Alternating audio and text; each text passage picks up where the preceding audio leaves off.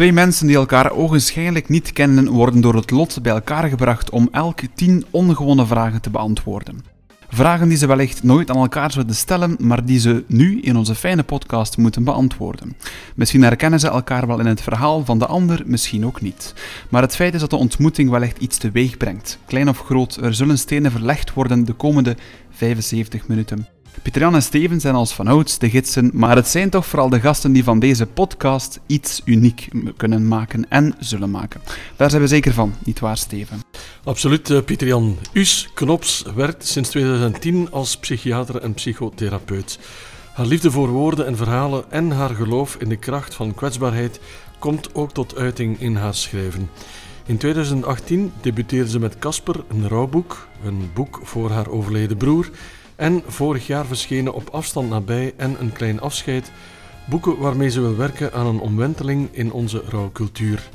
U kent haar misschien ook van monumenten, gedenkplekken om meer in de openheid te rouwen. Naast us vinden we Yin Oei, CEO van Living Tomorrow, het toonaangevende innovatieplatform dat bekend raakte door het Huis van de Toekomst. Organisaties en overheden worden er begeleid in hun innovatiestrategieën. Yin werkte 20 jaar in de IT-sector, maar zet nu de lijnen uit in Vilvoorde. In de wereld van digitalisering, high-tech en big data voelt ze zich als een vis in het water. Geen toeval, want ze won in 2008 Expeditie Robinson. Dag dames, welkom in Tweespraak. We moeten het vragen, want we nemen deze podcast op 6 december op. Zijn jullie braaf geweest dit jaar? Us? Ja, ik ben braaf geweest. Oké. Heb je vandaag iets speciaals gedaan voor Sinterklaas? Uh, hij is uh, vannacht gekomen, ja? dus daar hebben we voor gezorgd. En vanochtend hebben de kinderen gevonden wat de heiligman heeft gebracht. Ja. En dan moest één van de twee toch naar school vertrekken. Oei. En zat er, zaten er leuke dingen tussen? Heeft Sinterklaas zijn best gedaan vannacht? FIFA. Oh. Natuurlijk, 23. En Lego. Onze kinderen zijn ontzettende Lego-spelers, 10 en 12, maar zij blijven ontzettend veel met Lego spelen. Onze Ja. living wordt daardoor gedomineerd. We mogen geen eh, peuters en kleuters op bezoek ontvangen, want die kunnen daar eh, voor eh, dramatische veranderingen zorgen. Ja. Eh, maar ze spelen, dus daar ben ik blij om. Ja. Het zijn twee jongens. Een jongen en een meisje. Ah, oké, ja. Ja. Oké, super. En die FIFA is dan voor de De oudste zoon. Fantastisch. Ja, papa. kan ook natuurlijk. Jin, is bij jou de goed heilig man ook langs geweest? Goh, ik ben volgens mij heel braaf geweest, maar nu ik hoor dat hij wel bij Us is geweest en niet bij mij, begin ik toch te twijfelen. want ik heb hem niet gezien. Oei. Kan gebeuren natuurlijk ook. Soms rijdt hij al Ja. in zijn huisje voorbij. Ja, Ja, dat mijn is ook- zoon is 26, dus eh, Oké. ik denk dat... eh, Is er misschien gewoon een gedachte bij de Sint vandaag? ja, Fantastisch. Hebben jullie ver moeten rijden, dames, tot hier? Ik kom uit Gent. Ja. Een aangename rit, altijd rechtdoor. Ja. Mhm. Altijd recht zo naar Kortrijk. Jin? ik kom uit Capelle, dus ik heb eh, anderhalf uur gereden. Ja.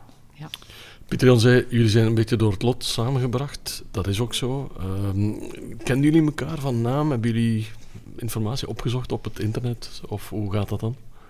Google? Ja, ik heb dat moeten googlen. gegoogeld? Ik dacht, het was zo fijn. Ook iemand met een eh, vreemde naam. Die zal ook wel eens eh, naamissues eh, tegengekomen zijn. Tot zover was de eerste associatie. En dan heb ik inderdaad eh, gegoogeld. En dan dacht ik, Living Tomorrow samenzetten met iemand die bezig is over doodgaan, vond ik wel een mooie combinatie.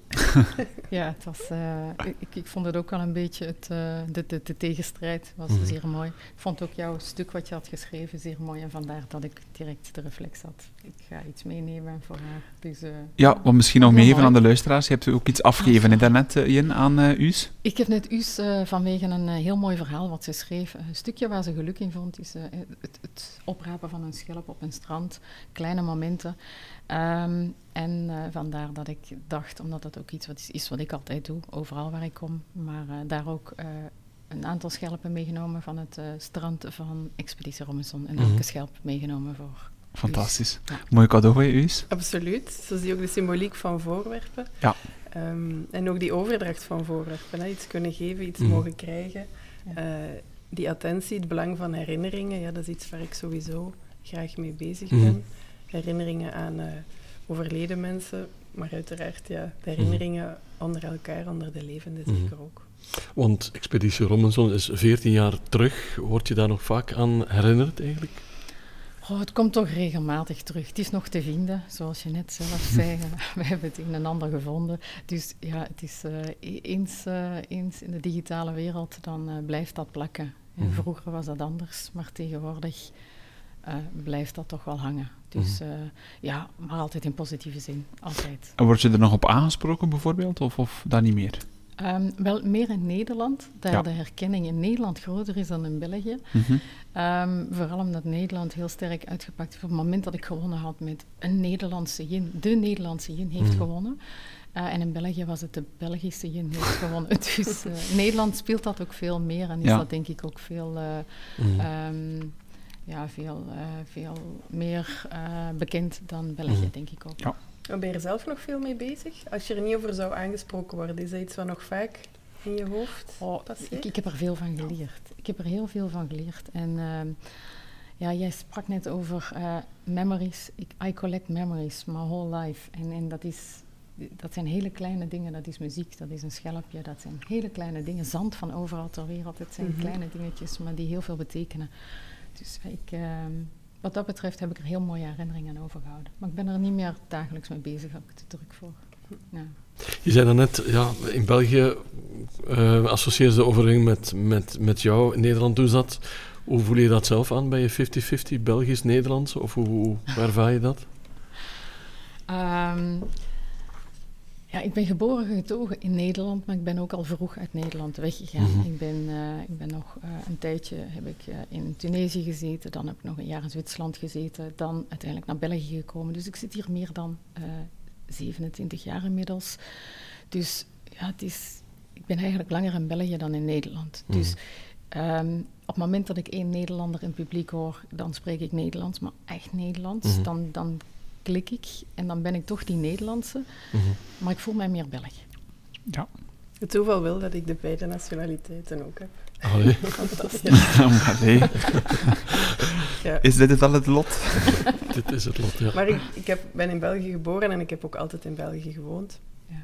Mijn vader is Nederlander, dus dan heb je het jus terra, jus Mhm. sanguine, waardoor dat ik de beide nationaliteiten heb. En ik heb ze ook op een cruciaal moment, als je 18 wordt geloof ik, uh, alle twee behouden. En als jullie Ja. moeten supporteren op het WK, is dat dan voor België of voor Nederland? Ik supporter niet. Oh. Geen voetbalfans. Nee, Nee, ik ben eigenlijk ook absoluut geen voetbalfan.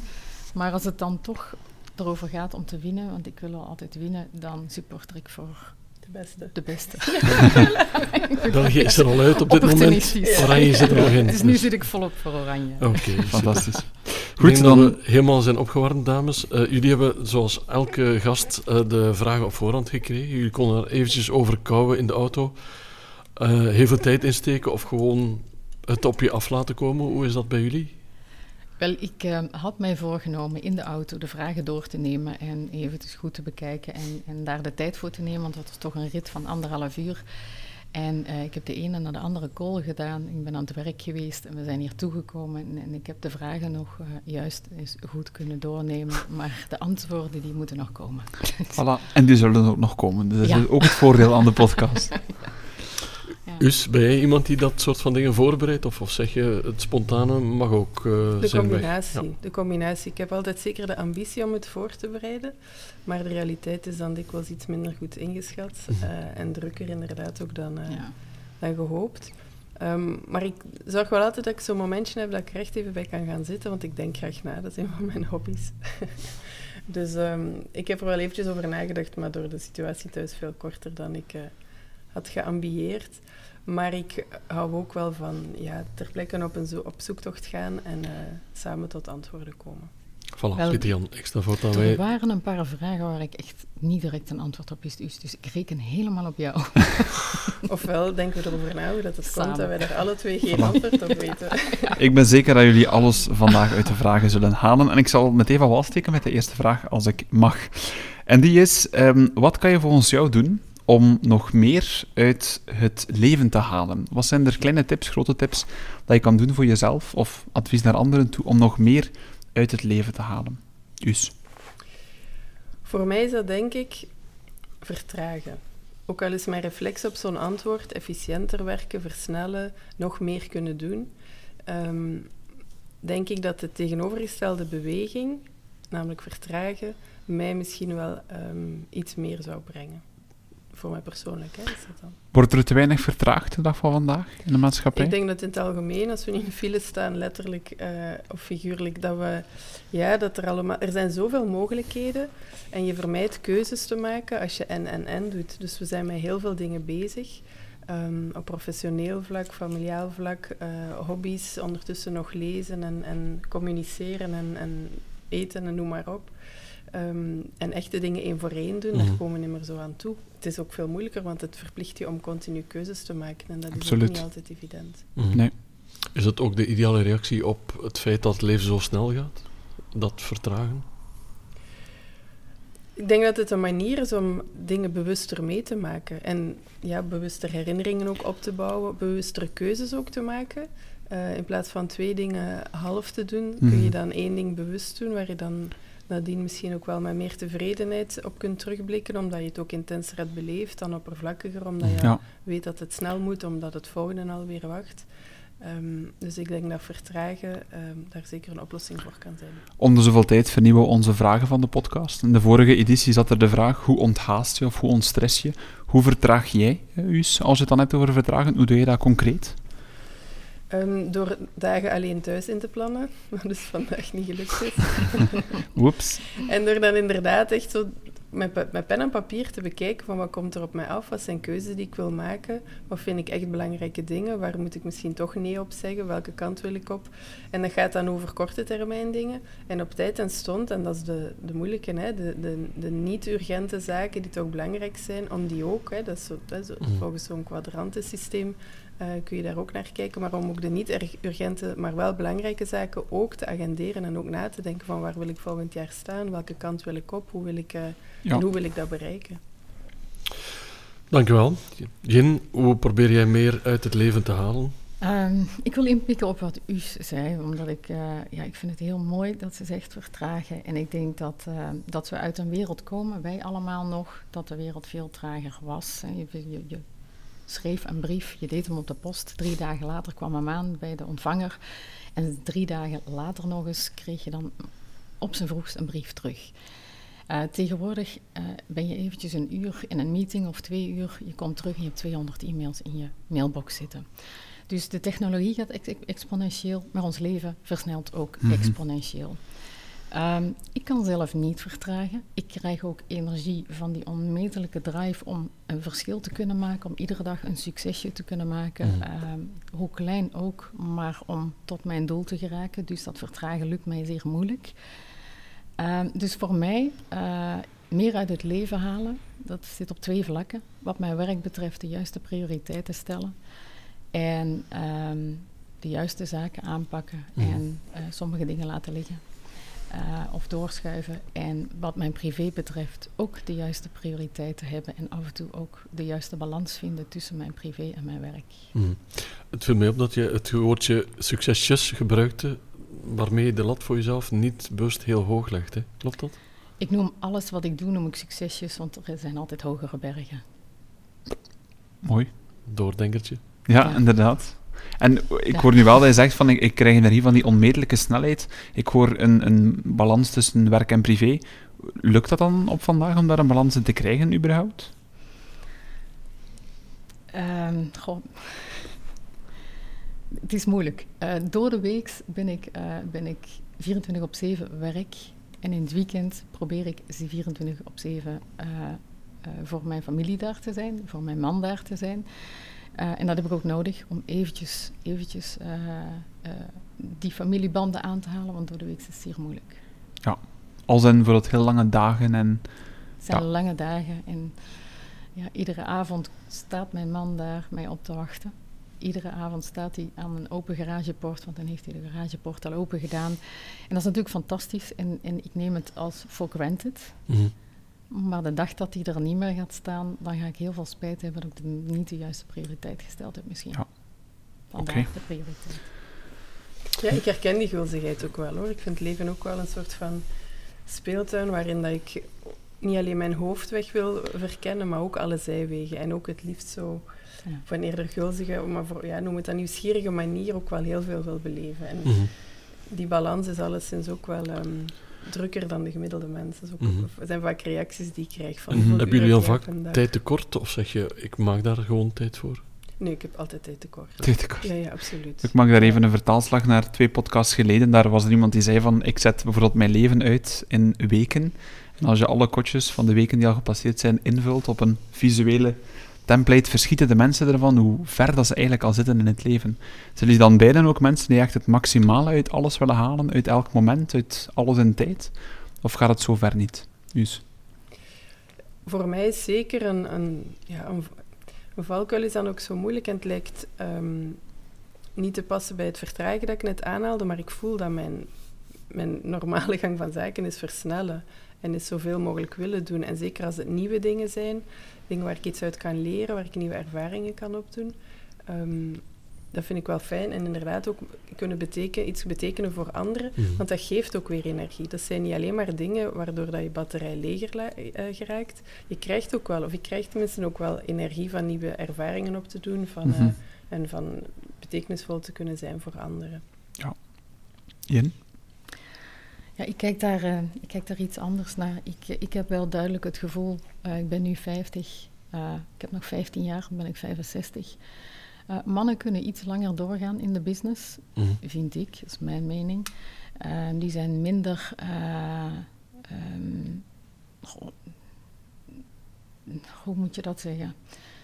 Op het moment dat een vrouw er ouder uitziet, oud is, eh, dan wordt ze ook heel gauw afgeschreven weer. Mhm. Je ziet heel weinig oudere vrouwen in, nog in die businesswereld Oud met rondlopen. een T dan waarschijnlijk, ja. oud, oud. Mhm. Ehm, dus ja, mijn, mijn tijd dringt wel. En ik had overlaatst had ik de discussie eh, over de strategie die we wil- wilden volgen. Mhm. En dan was het of we gaan die kant uit, of we gaan dat doen, of we gaan dat doen. En dan heb ik gezegd van nee, we moeten het allemaal doen, we moeten het nu doen, want we hebben nog maar 15 jaar en onze tijd begint te korten. En dat was voor mij toch een moment van reflectie van ja, ik, ik loop tegen de tijd aan. Mhm. En zeg je dan tegen jezelf, ik ben al zover of ik heb nog 15 te gaan? Eh, ik heb nog maar 15 te gaan. Eh, goh, ik hoop nog veel langer, want ik, ja, mijn werk is mijn, mijn, dat geeft mij mijn energie, is Mhm. mijn drive. Ik heb dat ook echt nodig, dat weet mijn partner. Ehm, maar eh, ja, 15 jaar is kort, hè. dat vliegt voorbij. 15 jaar is heel kort. En lijkt nog heel ver ook. Maar ik, ik vind het wel zot dat je inderdaad zo denkt. Dat je, zoals Steven aanhaalt, ben je, dan, ben je dan aan de ene kant eh, trots op hetgeen je al bereikt hebt tot nu toe. Omdat je vaak zegt, allee, vooral zegt van ik kijk naar de jaren die, nog, die er nog zijn. Maar besef je waar je staat op vandaag. Met hetgeen je allemaal verwezenlijkt hebt. Ehm, ja, daar komt terug de uitdrukking. Er zijn altijd hogere bergen. En, en daarom noem ik het ook altijd kleine succesjes. En ik ben niet dat ik ontevreden ben van waar ik sta. Ik ben blij waar ik sta en ik ben gelukkig. Maar ik vind het niet. eh, ik, ik heb niet de top bereikt. Ja. Mhm. Ik heb niet bereikt wat anderen hebben bereikt. Ik, ik, ik zie altijd mensen die, eh, waar ik naar, naar kijk, waar ik denk, god, die hebben dat toch echt Mhm. goed gedaan. Aan de andere Dus- kant zijn er misschien ook mensen die naar jou kijken en die zeggen van, ja, die eh, is eh, CEO van een groot bedrijf, daar kijken we ook wel naar op. Ja, ik, ik kijk daar op een heel andere manier naar, maar ja, nee. Kan. Ja. We gaan daarop inpikken, want ik had eerst een andere vraag in gedachten, maar ik ga ze veranderen. Het gaat over trots. Pieter Jan heeft het woordje ook laten vallen. Ehm, als je nu terugkijkt op, op dat deel van jouw leven dat al voorbij is, eh, ervaar je dan een zeker trots? En waarop ben je dan trots, Us? Ja, ik ben wel trots. Of ik denk dat ik intussen oud en groot genoeg ben of zo om die trots toe te laten. Ehm, ik ben trots op de dingen waar ik voor heb moeten doorzetten en die ik op die manier heb kunnen bereiken. Ehm, mijn diploma bijvoorbeeld. Ehm, ik ben trots op de boeken die er zijn gekomen. Mhm. Een boek schrijven is vreselijk, maar een boek geschreven hebben is fantastisch. Een citaat van iemand anders, maar ik gebruik het graag. Ehm, en ik ben ook heel erg trots op mijn kinderen. Dat is natuurlijk work in progress, elke dag, maar ehm, daar ben ik ook wel ontzettend trots op. Mhm. Die boeken, was dat een moeilijke stap voor jou? Want het eerste boek ging over jouw broer, dat zeiden we Mhm. in de inleiding. Ja. Dat moet een berg zijn waar je over moet. Wel, ik had het eh, geluk dat ik ben uitgenodigd door een uitgever om een boek te schrijven. Mhm. Ehm, daar ben ik me ook bewust van, dat dat een hele mooie kans is die ik heb gekregen. En mijn uh, eerste reactie was, nee, ik ga dat niet doen. Um, maar toen dacht ik, ja, ik ben veertig. Uh, dat is zo het moment om wel wat dingen te verwezenlijken of om, uh, om toch ja te durven zeggen. Uh, het bijzondere was ook dat ik zelf niet veel boeken had gelezen over rouw. Dus ik dacht dat er ook helemaal niet zoveel boeken te vinden waren over rouw. Mm. Achteraf bekeken gelukkig maar, want er wordt ontzettend veel geschreven over rouw. En had ik anders toen zeker als argument aangehaald om daar niet nog een centimeter uh, naast te willen zetten. Um, en ik, ging ook wel, ik had ook wel vertrouwen in het, in het, proces van als ik schrijf en het is niet goed, ja, dan zal de uitgeverij dat ook nooit uitgeven. Mm. Dus dan heb ik eigenlijk op korte tijd, eigenlijk op zes maanden, in combinatie met een fulltime job en het moederschap van twee uh, kleine kinderen, uh, mijn boek geschreven. Dan ging ik in de, ja, ik begon in een weekend, vrijdagavond, met al mijn materiaal van de zoektocht naar mijn broer, um, ben ik op hotel gegaan en... Uh, heb ik de box van Pandora met alle emoties en alle herinneringen en alle tastbaarheden uh, geopend en ben ik beginnen schrijven. En zo heb ik dat dan verder gezet, vaak ja, in weekendjes of twee dagen weg. Mm. En zes maanden later was het boek er. Mai. En hoe, kijk je dan, hoe waren de eerste reacties bijvoorbeeld van het, uh, van het boek als het uitkwam? Wat, ik ga misschien eerst vragen, wat doet dat met jou als persoon als het boek uitkomt, als je het eerste exemplaar in je handen hebt? Um, dat eerste exemplaar in mijn handen is natuurlijk iets bijzonders, want het wordt ineens heel tactiel en dat, je voelt dat en je ruikt dat. Maar mijn herinnering is meer gekoppeld aan de boeklanceringsavond, waar mhm. mijn ouders ook waren. Mijn kinderen hebben de eerste boeken dan aan mijn ouders overhandigd. Mm. Daar waren ontzettend veel mensen um, die stuk voor stuk iets betekend hadden destijds. Hè. Mijn broer is vermist geweest, we hebben een heftige zoekactie um, op poten moeten zetten. Dat is een lang proces geweest waarin we heel veel steun hebben mogen ervaren van heel veel mensen, waarin er heel veel nieuwe contacten zijn ontstaan. Maar ook, hè, het was intussen ook al een aantal jaren uh, later, waren er nieuwe vriendschappen ontstaan. Dus dat is zo'n avond waarop iedereen aanwezig is, waarop dat die emoties heel erg uh, voelbaar zijn van het verdriet, het gemis, maar ook de trots, de blijdschap. Dus die avond is toch ook wel een van de, de meest inten intense avonden van mijn leven. Mm -hmm. En ondertussen heb je drie boeken achter de rug. Het schrijven ligt je wel. Ja, mijn uh, uitgever vroeg een tijdje na het verschijnen van mijn eerste boek van En, wanneer komt het volgende? En ik viel echt van mijn stoel. Ik dacht, nou alsjeblieft, ik heb één drama meegemaakt in mijn leven. Het zal volstaan, hè. Ik zit niet te wachten op een tweede drama om een tweede boek te schrijven. Um, maar intussen snap ik zijn vraag uh, en heb ik ook wel zo wat... Uh, ja, dat is misschien toch wel een beetje verslavend hoor. Um, boeken schrijven, die cadans van ja, door die, die fases van pijn gaan, van ja, wel weer de goede toon vinden, uh, het, het um, vooruitzicht hebben van het, het, gaat er liggen en dan gaat het weer uh, dat fantastisch gevoel geven. En inderdaad dan zo'n moment van boeklancering en, en er dan over mogen praten en hele fijne reacties krijgen. Reacties ook van wat het met mensen doet. Want zelfs ja, dat, dat zijn reacties die tot op vandaag nog ja, elke week, denk ik, binnenkomen. Wat mhm. dat zo'n boek voor iemand kan betekenen. En dat is zo'n ongelooflijk cadeau om, om dat te mogen betekenen in mensenlevens. Dankjewel, uh, Us. We gaan ook eens naar Jen, haar verhaal luisteren. Jij bent nu 50 jaar ver in jouw leven, 50 jaar jong. Uh, waarop ben jij echt trots als je terugblikt? Oh, mijn grote trots is mijn levenswerk, is mijn zoon. Um, en, en dat, dat doet al mijn andere succesjes relativeren. Maar um, ik ben trots dat ik um, mijn weg gevonden heb in mijn kunst. En dat ik ieder weekend stevast mij kan uh, volledig ontstressen in mijn kunst, kunst of onthaasten in mijn mm. kunst. Dan, uh, dan zit ik volledig mijn man noemt het altijd into the zone. Als hij dan binnenkomt met een kop koffie en hij praat tegen mij, ik hoor niks, ik zie niks. En ik ben echt uh, dedicated met mijn kunst bezig. Mhm. Dus um, ik ben blij dat ik uh, verschillende paden bewandel. Enerzijds het hectische, drukke leven en waar ik ook heel veel energie uit haal. En anderzijds in het weekend de, de ja, de kunst en uh, welke de andere kunst, wereld mag Welke kunstvormen ja. beoefen je zo allemaal? Uh, mixed media, olieverf um, en uh, eigenlijk altijd uh, op doek werk ik. Dus, um, je, wordt, je wordt ook verkocht, de kunst? Nee, dat, dat is een heel apart verhaal. Mijn man wil dat altijd verkopen. En we hebben inmiddels meer dan 60 werken staan. En ieder kunstwerk heeft voor mij een betekenis. er zijn Uh, ik, ik, werk heel veel met mannetjes, met, met figuren. Ik heb uh, vroeger ook ooit kunstacademie gedaan en heb daar uh, vooral modelschilderen gedaan en modeltekenen gedaan. Dus, en, en anatomie natuurlijk. dus, dus ik ben er altijd in voortgegaan en ieder figuurtje in mijn werk heeft wel een betekenis of vertegenwoordigt wel een moment in mijn leven. Goed of slecht, mhm. maar het vertegenwoordigt een moment in mijn leven. En vandaar dat ik het eigenlijk niet kan verkopen. Loslaten. Ja. En gaat het dan over actualiteiten die je daarin verwerkt? Of duik je ook in het verleden, in je kindertijd? Of dat, zijn, uh, dat zijn uh, momenten die op dat moment in mij opkomen. En dat kan kindertijd zijn, dat kan een ervaring zijn op het werk, dat kan, ja, dat kan van alles zijn.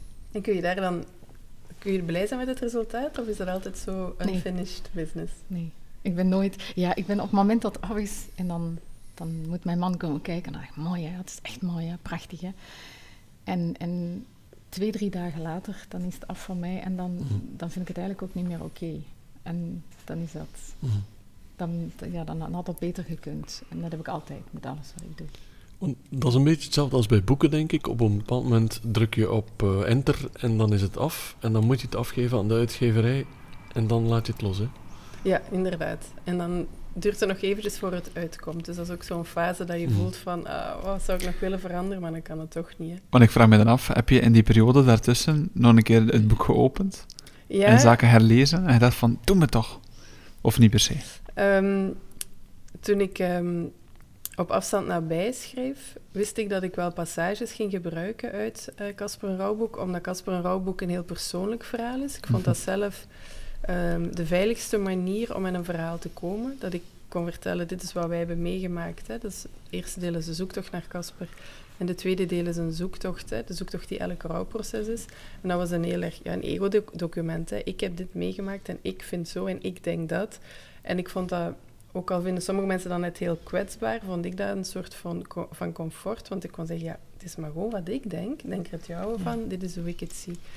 En in een volgend boek, ehm, Op afstand nabij, was ik ondertussen, stond ik ondertussen een paar jaar verder in rouwexpertise uh, en kennis daarover en ervaring ook uh, bij patiënten.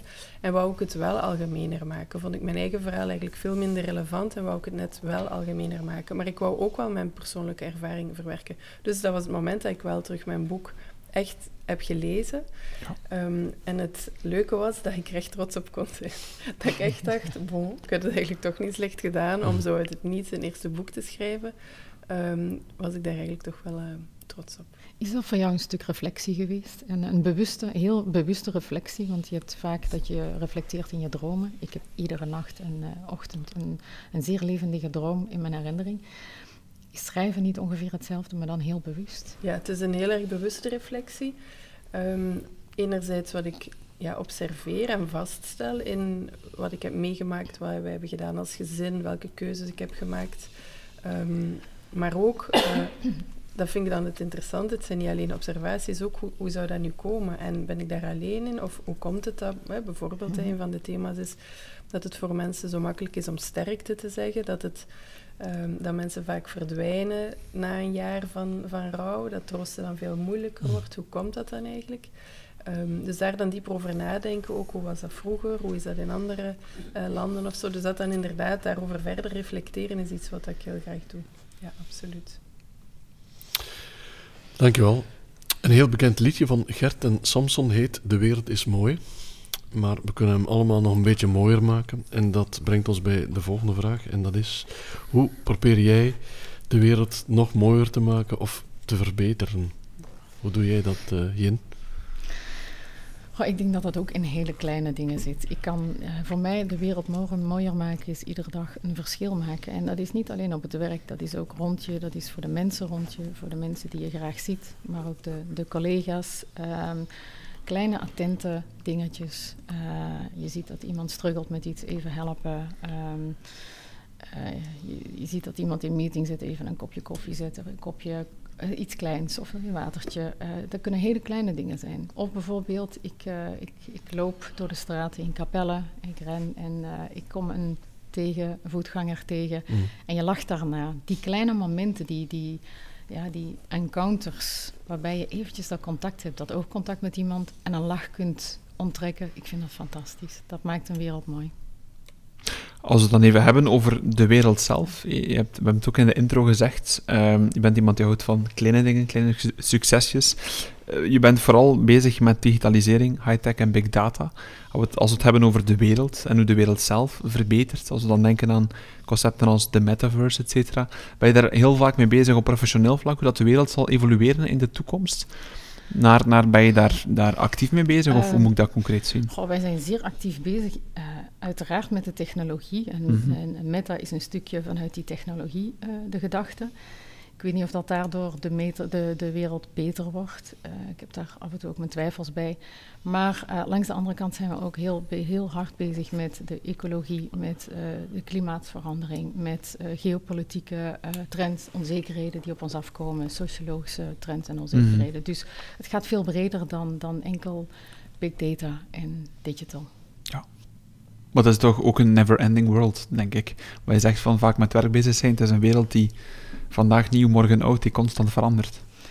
Hij verandert constant, maar het is het interessante om die veranderingen te monitoren, eh, trendwatching, Ja. om, om daar eigenlijk continu mee bezig te zijn en te weten wat er op ons afkomt. En uiteindelijk kun je het nooit met 100% zekerheid zeggen. Want de pandemie is ook in één keer daar. hè. Dat was ook de Black Swan. Die, die zagen we ook niet aankomen. Nee. Dus ja, het is, eh, blijft een, een, een verrassing in de wereld. Ja. Inderdaad. Us, jij gaat, eh, Zeiden ze in koor. eh, Us, jij gaat af en toe spreken voor mensen over het thema dat jou nauw aan het hart ligt. Is dat ook een manier om jouw wereld te verbeteren en mooier te maken? Of heb je nog andere manieren om dat te doen? Nee, een van de antwoorden op die vraag is inderdaad wel dat ik graag in eh, Vlaanderen, en wie weet mag dat gebied ooit uitbreiden, maar alleszins wil ik de mensen graag ehm, leren eh, om beter, of op een manier die voor hen beter aanvoelt, te rouwen en te troosten. Ehm, en daarbij ga ik heel graag op zoek naar woorden ehm, die kunnen helpen op momenten dat we eigenlijk met stomheid geslagen worden, dat we de woorden niet meer vinden. Ga ik graag op zoek naar woorden of naar metaforen. Ja, het doet me zo'n beetje denken. Ik ben vorige week voor het eerst naar een fasciatherapeut gegaan. En? Fasciatherapeut, Ik ken ken je dat? Nee. Ik kende dat dus ook niet. Ik ging daar naartoe, want ik heb ontzettend veel last van rusteloze benen s'nachts. Ehm en zo'n fasciatherapeut gaat heel omzichtig te werk en is een, een vorm van kinesiotherapie, denk ik, of om het een beetje een beeld te geven voor wie het niet kent. Ehm, maar ze, eh, zij, het was een zij, beweegt heel subtiel en heel voorzichtig. En ze was bijvoorbeeld aan het, aan het duwen, aan het bewegen op mijn schouder en ze vroeg wat ik voelde in mijn benen. Ik dacht echt, maar ik voel iets in mijn schouder. Mhm. Ik ga toch nu niks in mijn benen voelen? Ehm, nee, maar je gaat dat wel voelen. Ik ga jou dat een beetje leren. En dan na een tijdje vroeg ze, dat was aan mijn benen bezig, voel je dat je schouders nu wat dieper in de tafel eh, zakken?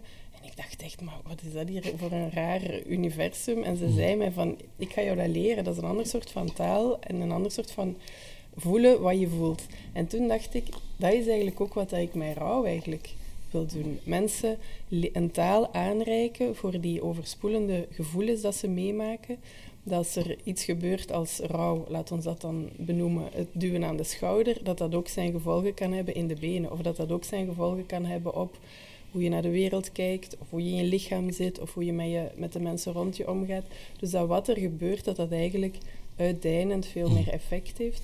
En daar woorden voor ehm, aanreiken, ook een soort van modellen van het is normaal dat je ook tien jaar na een verlies nog steeds verdrietig bent, of zelfs vijftig jaar dat er een huilbui kan opkomen. Dat is niet pathologisch, dat is geen blokke- geblokkeerde rouw. Je moet nu, nu, nu niet stantepeden naar een rouwcoach gaan. Dus ook heel erg normaliseren wat er kan. Ja, dat vind ik ontzettend voldoeninggevend, omdat je echt merkt dat dat voor mensen heel helpend is en, en hun kwaliteit van leven eigenlijk in die zin dan kan verbeteren. En dan daarnaast ook troosten. We, we voelen ons vaak heel erg onthand. We weten niet goed als troosters wat er nu goed is wat we, wat, wat we doen. En we zijn bang om iets fout te doen. En dan kiezen we snel de vermijdende kant en dan zeggen we maar niks en dan doen we maar niks. Mhm. Terwijl je in kleine dingen, en dat is dan mooi dat je dat ook aanhaalde, Jin, in kleine dingen zit zoveel kracht en kan je zoveel betekenen voor mensen. En dan moeten echt niet de meest filosofische uitspraken doen waarvan je als resultaat wil dat het verdriet plots veel minder is geworden. Nee, dat is echt niet de, de, de hoofdzaak of de hoofdmotivatie om iemand te troosten. Het zit hem ook echt in hele kleine dingen. Mhm. Eh, Want ik kan me Ik ben- inbeelden ja. dat op zo'n avond of na zo'n avond, mensen naar jou toe komen en hun verhaal doen, hun Ja. eigen rouwverhaal. Ja. Is dat niet telkens een confrontatie met jouw eigen leven dan?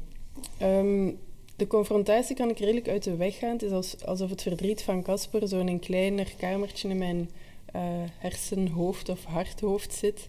Eh, en die deur heb ik redelijk onder controle, niet helemaal. Ehm, maar ik kan daar wel uitblijven op het moment dat ik een voordracht geef. ehm, of dat mensen een verhaal vertellen. Maar het is wel zo, zeker na zo'n voordracht bij het signeren, maar ook eigenlijk continu dagelijks via Instagram eh, of andere kanalen, komen er wel veel verhalen op mij af. En dat is soms wat zoeken, want ik denk dat dat allemaal wel sava is, maar ik denk dat ik ook niet moet wachten tot als ik merk dat het nimmer sava is om er iets aan te doen. Dus ik moet denk ik ook wel op zoek gaan naar een manier om ehm, op tijd en stond daar wat dingen van te kunnen lossen. Omdat ik in die zin wel veel verdriet meedraag, maar tegelijkertijd, en daar ben ik ook wel echt van overtuigd, zit er in afscheid ook heel veel schoonheid. Gebeuren er ook heel veel mooie dingen. Zijn mensen ook echt ontzettend veerkrachtig. Veel veerkrachtiger dan ze zelf misschien hadden gedacht. Doen ze mooie dingen. ehm, en daar haal ik ook wel ja, blijdschap uit. Of, of ja, plezier om dan wel die verhalen te kunnen en mogen lezen. Maar Want Ik- als, je, als je dan sorry. praat over iemand die overleden is, en we hebben het meegemaakt, Gregory Frateur was hier een, een paar weken geleden te gast, de zang van Desmona. Ja. En die vertelde op de dag van de uitzending dat zijn eh, papa op die dag was eh, overleden, zoveel jaar terug. Mhm. En het raakte mij omdat hij dat durfde bespreekbaar te maken in de podcast. Ja, ik denk dat in die zin de rouwcultuur aan het veranderen is en dat we veel vaker dat soort dingen wel vertellen aan elkaar. Ik probeer daar zelf ook een beetje een, een, een voorbeeld in te zijn of mensen in te inspireren. Bijvoorbeeld, hè, 23 november is de overlijdensdatum van mijn broer. Dat is voor mij al jaren een dag, een dag dat ik verlof neem, waar ik ook werk, waar ik ook ben, wat dan ook. Dat is een dag, voor mij zo'n rituele rouwdag. Hm. En dan doe ik iets symbolisch, wat ook niet altijd heel doordacht is of heel eh, georganiseerd. Dat is ehm, wat ik op dat moment, waar ik op dat moment behoefte aan heb. Zo ging ik bijvoorbeeld wandelen op de Kalmthoutse Heide, want daar heeft eh, Casper zijn thesis over gemaakt. Dat soort dingen, dat deel ik dan op mijn sociale media en dat inspireert dan weer mensen. En die merken dan van, ah oké, zelfs zoveel jaar na datum is dat een dag waarop je echt neemt voor hem, waarop je het hebt over herinneringen. Ehm, en eh, ja, dus dicht bij hem bent. Ah, dus dat wil zeggen dat ik dat ook mag, zelfs zoveel jaren later. En zo probeer ik inderdaad door mensen te motiveren om met wat ze voelen eerlijk wel iets te doen. En dat niet door eh, een idee over verwachtingen van anderen af te dekken of dan maar in te slikken. Ik vond het wel heel mooi dat jij zei dat er mensen niks laten horen als er zoiets gebeurt. Want ik moet toegeven dat ik een van die mensen ben. Een van mijn vrienden die heeft aan zijn dochter verloren. Eh, voor mij, mijn zoon verliezen, dat zou voor mij betekenen dat ik erachteraan zou gaan. 100%, voor mijn gevoel nu. Jij zegt mensen zijn sterker eh, dan ze zelf denken. Ehm, maar ik was een van die mensen en ik zou niet weten hoe daarmee om te gaan. Ik zou niet weten wat te zeggen. Dus ik vind het mooi dat jij dat nu zegt. Ik herken mij daarin. En ik ga zeker jouw boek lezen om te kijken hoe ik er dan wel mee om moet gaan. Fijn, fijn. Ja. Voilà, mooi, mooi. We gaan er nog een andere vraag tegenaan gooien, als dat goed is voor jullie. Ehm, ik zou het graag even hebben over ehm, een perfecte week of weekenddag. Bestaat die, is dan de vraag. Ik denk het niet. Maar stel dat we die toch hebben, ehm, of laten we gewoon zeggen, een mooie eh, weekend of weekdag. Hoe zou die er voor jou uitzien, Jen?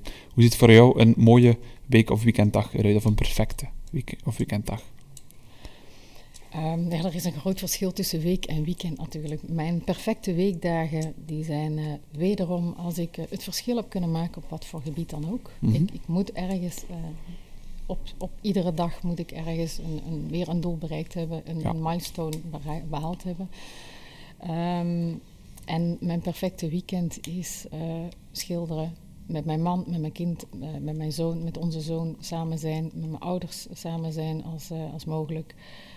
Ja, dat is mijn leefwereld in het weekend en, en daar hou ik het vaak ook bij. Ik heb geen, we hebben heel weinig externe invloeden in de weekenden. We proberen dat zo zuiver mogelijk te houden. Juist omdat die weken zo druk zijn. Oké. Betekent dat dan ook dat je bewust die weekenden ook blanco houdt in jouw agenda? Dat je zegt van dat is echt 100% voor. Dat lukt Het niet gezin. altijd, maar ik probeer het wel. En voor mij een perfecte dag, dat begint met als ik s'morgens in, eh, in de lentezon de eerste zon op mijn gezicht opvang. dat ik de vogels buiten hoor, ja, dat is voor mij uh, zalig. En dan wetende dat mijn zoon die dag of de dag daarop komt, uh, samen met zijn vriendin, uh, dat we samen gaan eten, ja, dat zijn voor mij perfecte dagen. Je zei daarnet, je zoon die komt met zijn vriendin, je dus wil zeggen dat je zoon niet meer bij jou thuis woont. Ik hoor de band met je zoon, was dat een, een moeilijk moment, het moment dat hij vertrok? Nu, hij was 19 toen hij uh, zelf op een eigen appartement ging wonen. Ja. Um, ik heb hem daar ook een stukje toe gepusht om dat te doen. Mm -hmm. Het was het moment voor hem.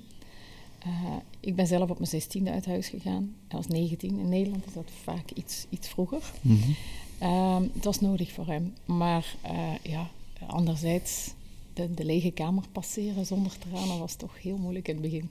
Ja. Ja. Maar nu kan je dat goed plaatsen. Ja, en dat... uiteraard. Inmiddels uh, heeft hij zijn eigen huis. En ja, ja, hij is gelukkig. En dat is voor mij het belangrijkste. Ja, eigenlijk dat hij gelukkig is, dat mijn ouders gelukkig zijn, dat ze gezond zijn. Dat is voor mij het belangrijkste. Ja. En hoe minder ik hem hoor, hoe erger voor mij natuurlijk. Maar hoe gelukkiger hij is. Ja. Dus zo werkt dat. Ja. Mooi. Oké. Okay. U is een uh, lege bladzijde in jouw agenda. Hoe vul je die zo goed en zo mooi mogelijk in? Wel, het doet me eigenlijk denken aan mijn Instagram-herinnering van deze dagen. Vorig jaar zaten wij rond deze tijd in quarantaine um, met ons vieren. En toen hadden we het idee opgevat, als ik in een lastige periode zit, dan ga ik even in mijn hoofd in de toekomst een beetje verder en probeer ik op dat punt terug te kijken naar. En dan doe ik de denkoefening, hoe wil ik terugkijken naar deze periode? Mm. En toen hadden wij um, het concept um, uitgevoerd in die quarantaine, dat we elke dag, elk van ons, um, als ik me niet vergis, vijf goede dingen moesten doen. Enerzijds iets goeds voor ons lichaam, iets goeds voor ons hoofd, iets goeds voor ons hart, iets goeds voor het huis en iets goeds voor onze karma. En meer moesten mijn kinderen niet doen. Ik dacht, ik ga hier echt niet met schema's zitten werken, Mm. met moedjes, met huiswerkblaadjes, wat dan ook. En s'avonds vertelden we aan elkaar wat we hadden gedaan. En zo ontstonden er ook deeltjes van, hey, gaan we nu samen onder stofzuigen, want dan kunnen we nadien samen tv kijken. Of als jij me helpt met dit, doe ik dan dat. En eigenlijk vind ik dat dat in essentie wel heel veel zegt eigenlijk. Van laat ons zorg dragen voor ons lichaam, iets wat ik zelf veel te weinig doe. Mijn lichaam blijft een soort van kruiwagen of vehikel voor mijn hoofd. Ik ben veel uh, meer gericht op, op ja, rationele dingen, op kennis verwerven, wat dan ook. Maar toch, aandacht voor het lichaam, aandacht voor het hoofd gaat dan over lezen of kennis verwerven. Aandacht voor het hart is, is iets wat je gewoon graag doet. En dan doe je dat ook maar gewoon. Um, iets nuttigs voor het huis spreekt voor zich. En iets karma is ook de voorbeeldjes die jij net aanhaalde. Hè? Iets goed doen voor iemand anders, waar iemand anders blij van wordt. Um, en ik denk dat dat dingen zijn, als je die wat kunt mixen in je dagen, dat dat best heel mooie dagen kunnen zijn. Mm. Kan je dat toch nog eens concreet maken? Iets goed doen voor je hart? Hoe, hoe heb jij dat bijvoorbeeld gerealiseerd? Iets wat je zelf heel graag doet, dat mm. kan gewoon een, uh, een gemberthee zijn met chocolade en in een tijdschrift bladeren en even de boel de boel laten. Zeker in quarantaine word je daar wat in beperkt, maar ik wilde het dan ook allee, naar mezelf toe, maar ook aan de kinderen gunnen. Van je moet ook niet alleen leven in functie van verplichtingen. Mm -hmm. Je moet ook weten wat je graag doet en je moet daar ook zorg voor dragen. Dat ook in dagen van quarantaine en dat wij vooral heel erg denken in beperkingen en alles wat er niet meer kan. Dat er ook best mogelijkheden zijn om dingen te doen die je graag wil doen. Mm -hmm. Jullie hebben zelf jullie leeftijden laten vallen. We hebben dat bewust niet gedaan. Dus we hebben gewacht dat jullie uh, de, de, stap zetten. En we gaan eens 32 jaar terug in de tijd, als dat mag. Jin, toen was je 18.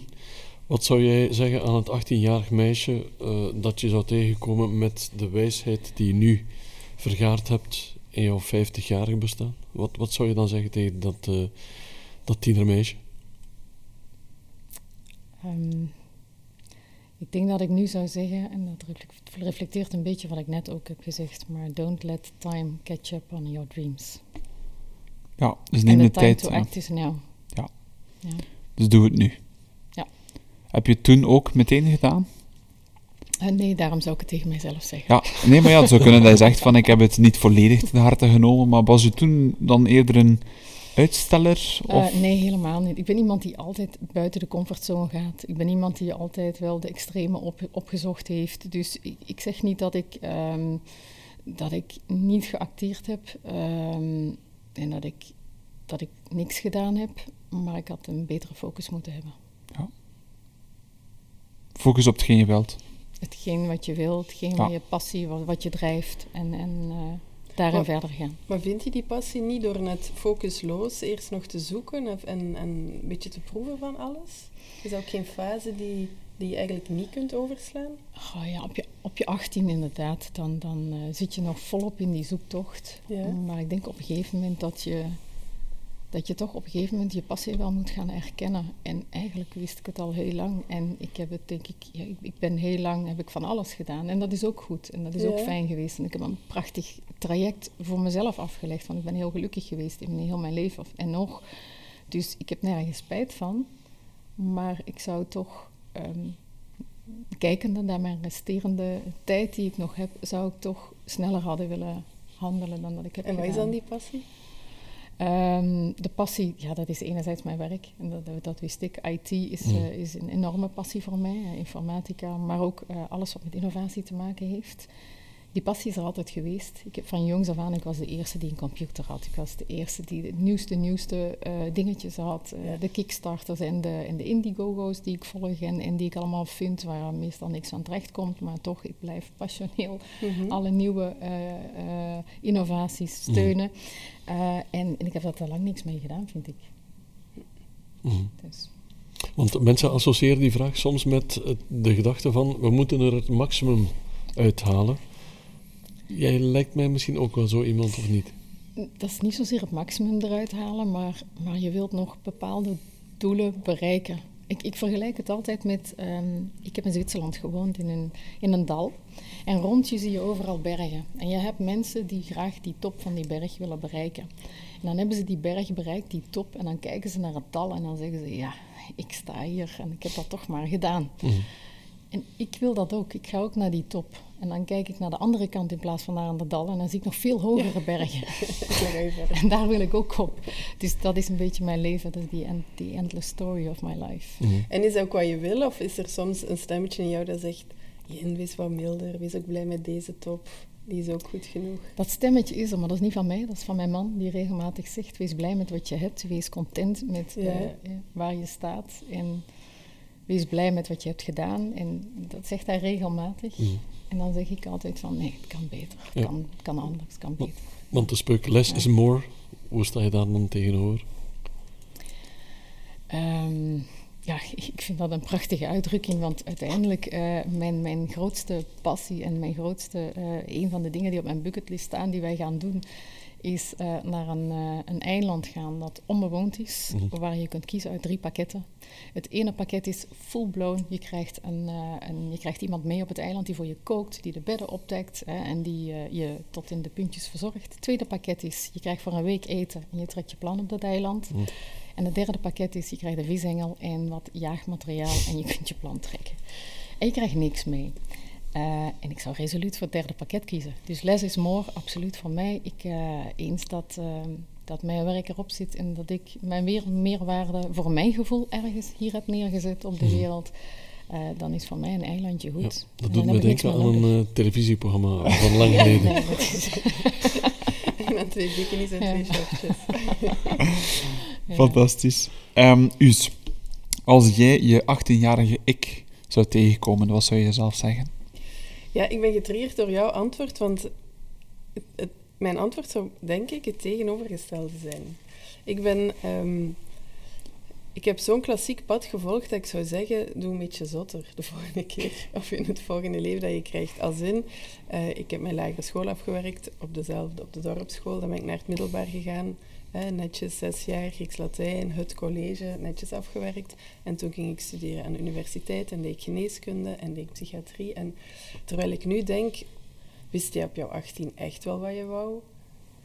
Ja, we, allee, mijn wereld was eigenlijk zo klein. Ik zou mijzelf nu hebben gegund dat ik op mijn achttiende ehm, wel, net wel een zoektocht zou gehad hebben. En stukken van de wereld, van mezelf ehm, zou ontdekt hebben. Ehm, ontdekt hebben wat ik wel wil, wat ik, maar ook vooral wat ik niet wilde. Eh, en misschien uit een breder palet had willen kiezen dan wat ik nu heb gedaan.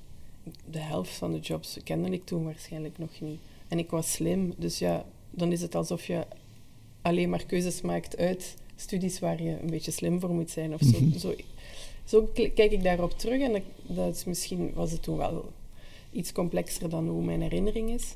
Ehm, maar ik zou eigenlijk net mezelf willen gunnen van, had toen toch nog wat meer gerommeld en gespeeld en wat zot gedaan en wat minder... eh, Het was eigenlijk een soort luxe probleem, denk ik. Ik heb dat niet zo ervaren. Mhm. Ik heb dat ook wel als een last ervaren van, zie mij nu met die studies, dat zijn ook hele lange studies geweest. Mhm. Als ik kijk op welk moment ik eigenlijk ben beginnen ja, geld verdienen, ehm, werken. Ondertussen had ik, ik kan het eigenlijk niet uit mijn hoofd zeggen, ik denk dat ik 14 jaar gestudeerd heb. Ja, voor toch ook heel veel dingen, chemie, weet ik veel wat dingen waar ik nu toch ook niet zoveel aan heb. En oké, Mhm. dat is een universitair, universele opleiding, maar eigenlijk heb ik een beroepsopleiding gedaan. Hè. Wat kun je doen met diploma van psychiater? Ik ben op dit moment denk ik een van de psychiaters die het nog redelijk rock en roll aanpakt en eerder atypisch mijn beroep uitoefen. Maar met dat diploma kun je ook niet zoveel doen, hè? Snap je? Mhm. Dus ik voel daarin wel wat beperkingen en misschien dat ik daarom net ook wat gulziger ben, dat als er meer mogelijkheden zijn, dat ik er ook wel graag gebruik van maak. Ehm, maar als ik mijn 18-jarige ik mag toespreken, zou ik, die, zou ik die dan eigenlijk net gunnen om dan net minder op een doel af te gaan. Het is echt tegenovergesteld. Ja, dat is volledig. We hebben ook een heel, Ja. inderdaad, een tegenovergesteld pad bijna. En dat maakt dat het is een beetje hetzelfde als iemand die krullen heeft, die zegt ik zou stelhaar Ja. willen en iemand die stelhaar Ja. heeft krullen Mm. wil. Dus het is, het is zo divers onze levens. Dat, ja, ik, alsof ik ja. vanuit een soort van engheid naar breder ga en jij, meen ik te begrijpen, maar kan mis zijn vanuit een breder, zo meer en meer echt focus op wat je wil, Ja. zoiets. Hè? En waar komen jullie elkaar dan tegen, ergens onderweg? Als die wegen ergens kruisen? Ja, ik denk op plekken als dit, want ik vind het ook wel heel, ehm, ben ook wel echt super nieuwsgierig. Ik heb echt nog, jullie hebben tien vragen, ik heb er echt nog honderd voor Ik jou. ook hoor. voor u. Echt waar. Ik, heb, ik was al lang van plan om te connecteren. Voilà, dus Want ja, er zijn zoveel vragen en zoveel. Ik vind het fantastisch wat zij gedaan heeft. De boeken, ik heb daar zoveel bewondering voor. Moest ik eh, beginnen aan een boek. Ik ben trouwens ooit begonnen aan een boek, dus eh, eh, ik mag dat zeggen, want ik ga dat toch niet meer eindigen. Dat is eh, een boek over het eiland. En ik had heel veel eh, relaties gelegd tussen, tussen de mentale kracht die je moet opbrengen en, en eh, de, de business context daar rond. Dus eigenlijk een businessboek. Maar eh, nee, heel veel bewondering voor de mensen die dat klaarspelen. Dat is eh, kijk, zeer mooi. En dan ook nog drie boeken, dus ja, Mhm. respect daarvoor. Het is nooit, je bent nooit te oud, want Dirk Tieleman was hier ooit ook te gast en die was 77. Voor zijn boek. 77, oh, maar dan heb ik nog tijd genoeg. Dat zal wel zijn. Dus 15 jaar en dan nadien schrijf je gewoon begin ik 18 te boeken. Ja, voilà. Fantastisch. Als ik mag, dan pik ik er nog een vraagje uit. En ik ga het hebben over wijn. Eh, maar niet de hoofdvraag wijn, maar voornamelijk stel dat je op één avond naar keuze iemand, iemand mag uitnodigen om een goed glas wijn te drinken. Wie zou je kiezen? Die persoon mag nog onder ons zijn, maar mag ook al ehm, overleden zijn, voor alle duidelijkheid. Wie zou je kiezen? We hadden ooit één gast, maar het is een glas wijn. Die vroeg je, maar ja, er is een verschil tussen een gast die een glas wijn of een fles wijn eh, uitdrinkt. het is een glas, het is een glas wijn. Ehm, ik vind dat een hele moeilijke vraag, want er zijn zoveel mensen die de revue passeren waar ik bewondering voor heb. Ehm, uiteraard kijk ik veel naar uitvinders en, en hoe ze tot een bepaalde uitvinding gekomen zijn. En ik vind dat ook altijd fantastisch. Ehm, als ik in zo'n gesprek zit, zou ik zeer graag met u een keer een glas wijn gaan drinken. Ehm, eh, maar toen ik de vraag zag, was eigenlijk de eerste die in mijn hoofd opkwam, was Obama. Eh, waarom? Omdat ik dat. eh, ik, ik heb hem zoveel vragen te stellen. Ik vind, eh, hij, heeft een, hij is in een rol gekropen die, eh, waar je je niet, niet op kunt voorbereiden.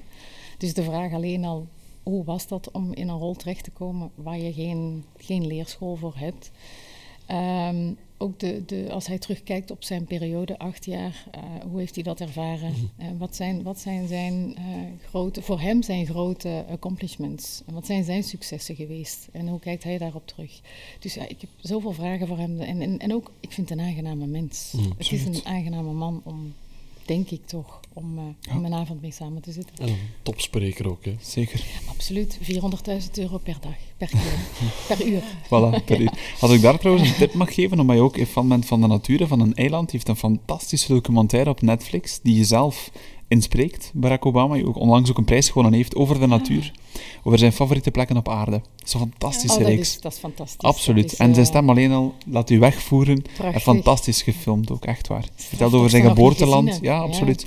Zeer mooi heet die op, op Netflix. Ik kan nu bijna de titel even kwijt, zal ik straks, Ik even opzoeken. Wij, eh, Fantastisch mooi, echt waar. Hij heeft ook een heel inspirerende vrouw. Ja. Dat mogen we niet vergeten. Ja, ja, absoluut, absoluut. je dan, maar je kiest wel voor hemzelf, of zou je het koppel? Eh, ik zou ze allebei eh, graag bij mij hebben. Ik vind het ja. een fantastisch koppel. Ja. Ja. Allebei op de bank. Het heet trouwens Our Great National Parks. Our Great, Our Our Great National, National Parks. Parks. Ja, dat is de reeks van Barack Obama op Netflix. Prachtig. Dus eh, je blijft toch de revue passeren ook, hè? Barack, Steven? Ja, Zijn vrouw is eh, podcast, eh, podcastmaakster ook. Absoluut. Michelle heeft het ook al een paar keer gedaan. En in haar eerste podcast was haar man ook te gast. Zo is een heel mooie podcast ook. En de grote droom van Pieter Jan is om haar ooit uit te nodigen. maar- Ja, maar dat is, eh, het zal bij een droom blijven, denk ik. Wie weet, of Barack, als je luistert, of Michel. Wij verwachten een... eh we sturen je gewoon een uitnodiging. Us, wie zou jij kiezen voor een glaasje wijn? Ehm, ik voelde mij ook uitgedaagd om zo ver en dichtbij te zoeken en in de geschiedenis of het heden en inderdaad verleden mensen of niet. Maar in essentie gaat het mij toch eigenlijk over mijn broer. Ik zou dan toch het liefst mijn broer willen uitnodigen. Ehm, ja, om hem, om hem te vragen van hoe kijk je terug op jouw veel te korte leven? Wat is er gebeurd? Want we weten nog altijd niet wat er gebeurd is. Dus dat vraagteken, als dat zou opgehelderd kunnen worden, dan eh, zou dat mooi meegenomen zijn. Als dat niet is, is dat ook oké. Ik ben benieuwd ernaar, ja...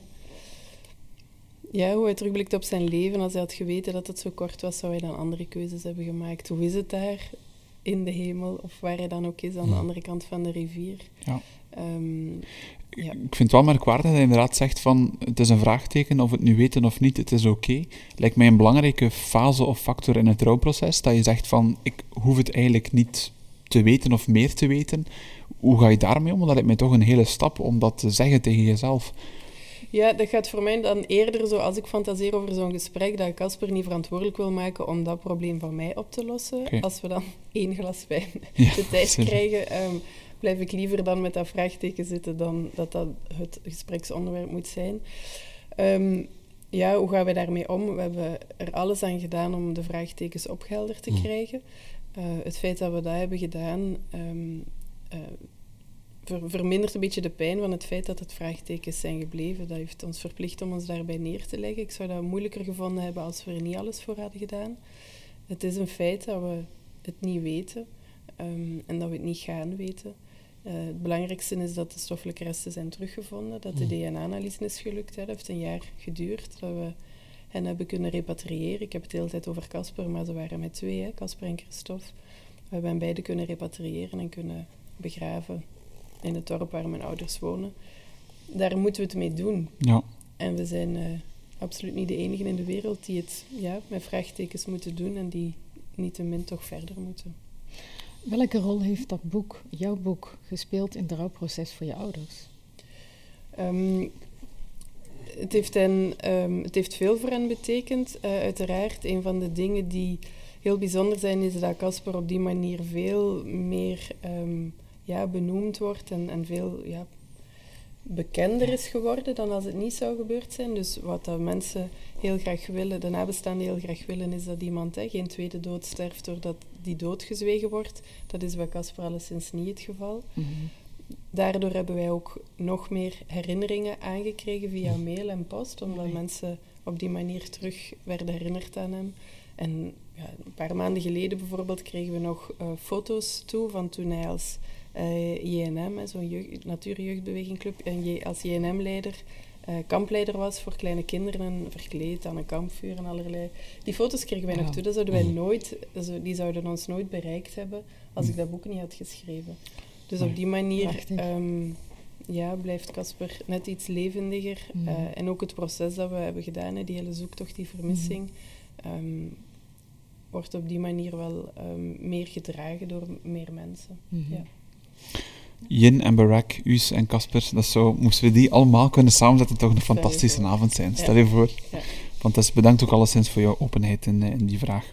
Steven, wil je er nog een volgende uitpikken? Ja, we gaan van een zwaar thema iets luchtiger, als dat mag, om het toch een beetje draaglijk te houden voor de, de mensen thuis. Het gaat over bucketlisten. Ehm, er zijn al eh, veel dromen en wensen hier op tafel gekomen vanavond, maar misschien zijn er toch nog dingen die je ooit in jouw leven nog wil bereiken in de tijd die ons nog rest, als ik het zo oneerbiedig mag zeggen. Wat wil je zeker nog doen in jouw leven? Dat is de concrete vraag. Wat staat met stip op nummer 1 of 2 of 3 op die lijst? Jen? Oh, ik heb een gigantische bucketlist. Maar uh, ik wil zeker nog naar Patagonië, naar uh, Zuid-Afrika. Uh, Zuid-Amerika, sorry. dat is het Ede, de ongerepte natuur. Ik zou dat toch nog ooit willen zien. Um, maar zoveel andere mooie plaatsen die ik nog wil zien, die ik nog niet gezien heb. zoals de Grand Canyon, zoals mm. de Wild Parks. Dus ik ga zeker yeah. de documentaire kijken van, van Obama. ik heb er een paar gezien, maar nog lang niet allemaal. dus ja, ik ik, uh, ik wil de wereld nog verkennen. Ik heb veel gezien, maar nog lang niet alles. Dus ik heb nog een hele weg te gaan. Mm. Zijn allemaal plaatsen veraf dichtbij. Heb je alles al gezien? Of zeg je, er zijn niet ook hier bij ons nog dingen die ik zeker wil ontdekken? Um, nou, het gaat meer om, om, om andere culturen, andere ja. naturen, mm. andere omgevingen. Um, ja, de wereld heeft, biedt zoveel diversiteit dat ik, dat ik die diversiteit ja. wil opzoeken.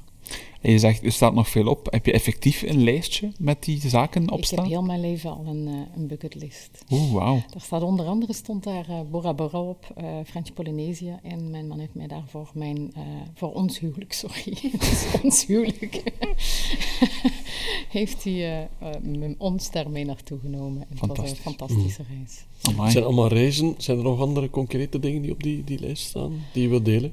Het zijn vooral plaatsen waar ik naartoe wil gaan. Het zijn vooral het, verkennen van de wereld. Ik ben vanaf jongs af aan ben ik iemand geweest die de wereld wilde verkennen.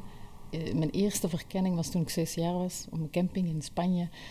En uh, ik heb mijn duim in de lucht gestoken, want ik wist dat je zo met een auto mee kon rijden en weg kon. En uh, uh, ben dan ook meegenomen door een vriendelijke chauffeur, maar die mij dan ook heel vriendelijk bij de politie heeft afgezet, waar mijn ouders mij konden halen. Dus dat was een heel kort avontuur. Uh, op mijn twaalf jaar uh, wilde ik weer de wijde, wijde wereld intrekken. Dan heeft mijn moeder een plunjezak gemaakt, echt aan een stok en een rode doek met eten in. Ze waren super lief en ze zeiden, succes schat, het was donker en ik moest om de hoek de donkerte in en ik ben dan toch maar teruggekomen. Dus ook dat was een hele korte reis. En op mijn 16, uh, ja, dan uh, heb ik toch de moed gevonden om, uh, om een iets langere reis te maken. Dan ben ik in Spanje geland. Ik heb een hele lieve brief achtergelaten voor mijn ouders, waar ik nog altijd spijt van heb. Dat ik ze heel graag zie, dat ze zich zeker niet ongerust moeten maken. en dat ik de wijde wereld in zou trekken. Ja. ja, uiteraard moest mijn zoon dat doen. ik zou niet meer recht kunnen staan na twee weken. Um, en dat was ook het geval van mijn vader, dus ik heb er veel spijt van. Maar dat is, dat is mijn natuur geweest. Ontdekken, en de wereld in, intrekken. En die goesting blijft ook na al die jaren in jouw doorleven, hè? dat kan niet anders. Hè? Ja, mm dat zit in het bloed. Mooi. Ja. Us, wat staat er met stip op 1 of 2 of 3, zoals Steven zegt, op jouw bucketlist? Ja, ik denk dan aan verschillende dingen. Het reizen staat er zeker op, maar ik voel me daar heel erg geremd uh, in de ecologische voetafdruk. Dus mijn favoriete invulling van die bucketlist is dat ik wacht tot als er liefst overmorgen een manier wordt gevonden dat je zonder schuldgevoel een vliegtuig kunt nemen en zonder um, ja, een ecologische voetafdruk na te laten. Want dat weerhoudt mij nu om te reizen, maar het verlangen is tegelijkertijd ook heel ontzettend groot en de tijd gaat verder. En mijn kinderen hebben mhm. nu ook nog de leeftijd dat ze graag samen reizen. Dus ik heb ook wel het gevoel van, wat moet ik nu laten meespelen? Mijn schuldgevoel... Um, naar moeder aarde toe of mijn nieuwsgierigheid en mijn behoeften en mijn verbinding hè, met mijn man en mijn mhm. kinderen om uh, reizen te maken en daar zo ontzettend veel van te leren of ook net daardoor heel erg um, ja, moeder aarde te koesteren en dan vanuit die ervaring zorg te dragen, dat is echt een ontzettend mhm. conflict in mijn hoofd. Mm. stel dat moeder aarde en het ecologisch verantwoord is, dat toelaat... Dan vertrek ik onmiddellijk. dan zou ik zelfs de kinderen een jaar van school houden. Ja. Dat wil ik echt. Maar je bent daar dus echt zo mee bezig. dus je, je neemt geen vliegtuig uit principe voor de natuur. Wel, het is minder, het is ingewikkelder dan dat. Anders zou ik hier zeggen, ik doe het niet. Maar af en toe vlieg ik wel. Maar dan heb ik echt een gigantisch schuldgevoel. Mm. Um, en dan probeer ik dat weer weg te cijferen door, en wel te genieten van onze reis. Maar dan weet ik van ja, maar dan ga ik nu hè, de volgende keer. Hè, nu bijvoorbeeld met de monumenten komt misschien een uh, tentoonstelling over in Milaan. Vind ik fantastisch. Maar dan denk ik, ja, hoe is dat met de trein naar Milaan? Kan ik dat doen? Hoeveel tijd heb ik daar dan extra voor nodig? Mm. Dus het is een continu in en weer bewegen. Dan hè, ben ik in gezelschap waar mensen heel veel vliegen. Dan denk ik, oh, maar die maken zo'n leuke dingen mee. En ik, zeg, ik ontzeg mij dat. Mm. Um, hoe, hoe, hoe, hoe, streng moet ik daarin zijn? Dus ik vind het echt, het is een, ik ben er niet uit. Het, is een, het zijn overwegingen die vechten met elkaar. En, en, geloof je dan in, in de kunst van het compenseren bijvoorbeeld? Dat je vliegt en daar iets tegenover zet, in de zin van, ik zeg niet maar iets, een, een boom planten of, of iets goed doen voor de planeet, want dat wordt ook vaak gedaan. Geloof je daarin of zeg je van, ja, eigenlijk is het gewoon beter om het niet te doen? Um, ik geloof daarin omdat er, weet je, je vliegt niet gewoon hoe moet ik het zeggen? Je vliegt ergens naartoe en wat je daar gaat doen heeft ook waarde. Laten we mhm. dat aannemen, dat dat waardevol is. dat, het, dat je anders niet zou vliegen. Het is niet gewoon dat je een vliegtuig neemt en je landt weer het is gedaan. Dus, um, dus dat is enerzijds de waarde die van belang is. En uiteraard, als ik een vliegtuigticket koop, klik ik verder naar alle compensatie um, dingen die je dan kunt doen.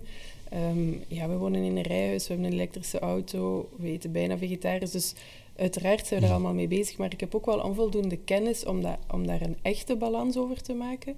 Ja. Ik vind het ook wel belangrijk dat iedereen daar zijn eigen balans in kan maken. Ehm, dus ja, het zijn allemaal factoren die maken. Ik ben er niet uit. Ik ben daar niet absoluut pro of absoluut contra tegen, maar ik voel dat ik heel veel van die overwegingen maak. Ja. En tegelijkertijd echt heel erg wens van laat het overmorgen zover zijn. Ja. op een um, uh, ecologisch neutrale manier kunnen vliegen, want dan zou ik echt heel graag elektrisch vliegen rond, rond willen reizen. Dat is dan ook weer allerlei bedenkingen waarschijnlijk. Ja, voilà, voilà. Want Ian zei, ik zou graag Patagonië zien, de Grand Canyon. Wat, wat zou er op jouw lijstje staan als het zou kunnen? Voor mij is het uh, absoluut ook Zuid-Amerika. Um, zeker, maar ja, ik, ik, heb er niet eens zo'n lijstje van. Misschien is het ook mm. om mezelf niet, niet te zeer te plagen of zo. Ja. um, en ook allee, tijdens corona hebben we ook echt dichtbij heel veel fijne en mooie dingen mm, gedaan. Precies, Daar hou ik ook wel van. Um, maar dan is de cultuur inderdaad niet zoveel anders. Hè. Er zijn ook, allee, het is niet wat mooi is dat het daarom helemaal voldoeninggevend uh, is. Um, maar ook wel graag ja, ver een andere uh, culturen en andere mm Ik denk dat er niks verrijkender is dan andere culturen, andere mensen, maar ook echt in hun leefomgeving op hun manier een stukje meeleven, een stukje die, die ervaringen opdoen. We, hebben, we kennen mensen overal, uh, onder andere uh, Filipijnen, waar we dan mensen ontmoeten in een, in een, ja, een hutje wat letterlijk gemaakt is van, van hout en, en golfplaten. En waar ze met zes man op een matje slapen. Mhm. En, uh, en die dan maar moet je dan naar daar gaan? Koken. Want dat kun je ook in een documentaire zien. Daar uh, ben ik dan ook een beetje het beleven. Het is het beleven van de, de hesitance eerst, in eerste instantie van die mensen om jou toe te laten. En de schaamte om daarna eigenlijk echt een vriendschap op te bouwen. En te delen wat je hebt. En zij delen wat zij hebben, jij deelt wat jij hebt. En, en dat is zo mooi om dat samen mee te maken. En dat is zo intens. Ik vind dat prachtig. En dat is een stukje cultuur opnemen van een ander land. Mhm.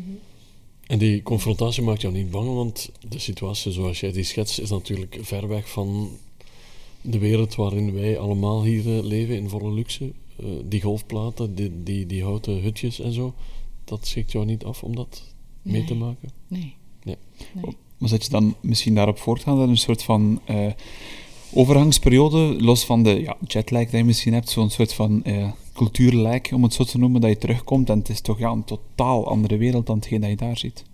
Heb je daar moeilijk mee om je terug aan te passen aan de wereld van vandaag? Ik denk dat ik heel snel switch, in iedere situatie heel snel switch. En, dat dat ook de reden is waarom ik altijd buiten mijn comfortzone ga en waarom ik net altijd dat stapje verder ga, omdat ik die switch gemakkelijk kan maken.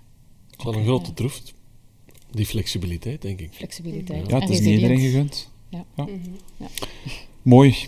Maar dat er minder mooi is, is het feit dat ik de tijd moet in de gaten houden, Steven.